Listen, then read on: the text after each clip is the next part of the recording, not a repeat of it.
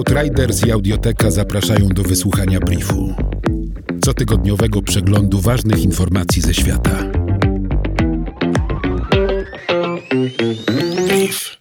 Trudne emocje i panika ogarniające ludzi w związku z chorobą COVID-19 są związane m.in. z heurystyką dostępności, sposobem wnioskowania, w którym przypisujemy większe prawdopodobieństwo zdarzeniom, które łatwiej przywołać do świadomości i są bardziej nacechowane emocjonalnie.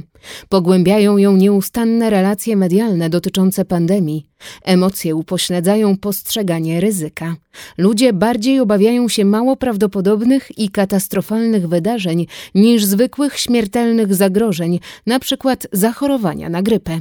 W przypadku COVID-19 ocena ryzyka jest szczególnie trudna, ponieważ obiektywna wiedza na temat choroby wciąż jest niepełna. Ponadto ludzie nerwowo reagują na niepewność i nieprzewidywalność, powodują one poczucie braku kontroli nad wydarzeniami. Niepewność zwiększa również podatność na fałszywe informacje oraz na uleganie stereotypom.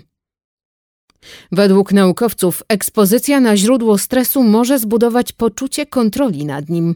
Zalecają odzyskanie poczucia kontroli nad swoimi obawami bez przesadnych reakcji i ulegania publicznej panice.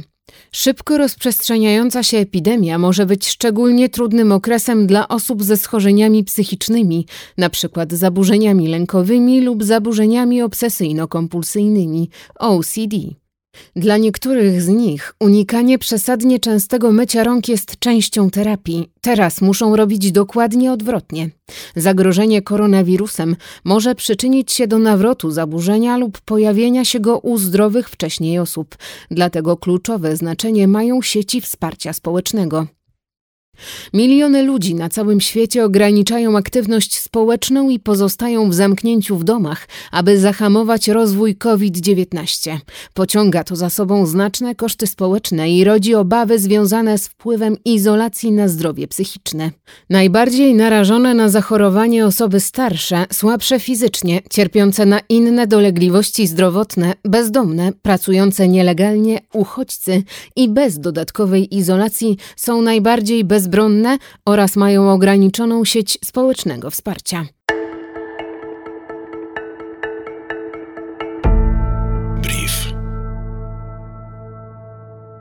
Od 2014 roku Boko Haram, muzułmańska organizacja ekstremistyczna, wykorzystała ponad 540 kobiet do przeprowadzenia samobójczych zamachów terrorystycznych. Niektóre z nich celowo wysadzały tylko siebie, inne zostały aresztowane przed dokonaniem zamachu.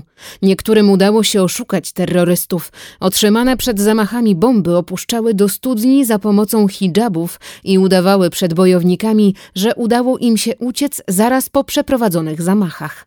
Balaraba Mohamed przeżyła m.in. dzięki udawaniu chorób, ukrywaniu bomb i okłamywaniu członków Boko Haram o powodzeniu akcji terrorystycznych.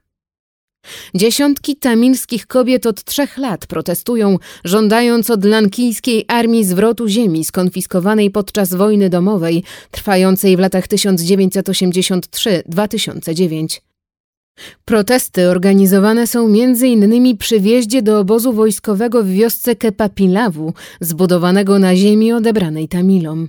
Armia twierdzi, że zwróciła już około 85% terenów, a to, co pozostało w jej posiadaniu, ma strategiczne znaczenie.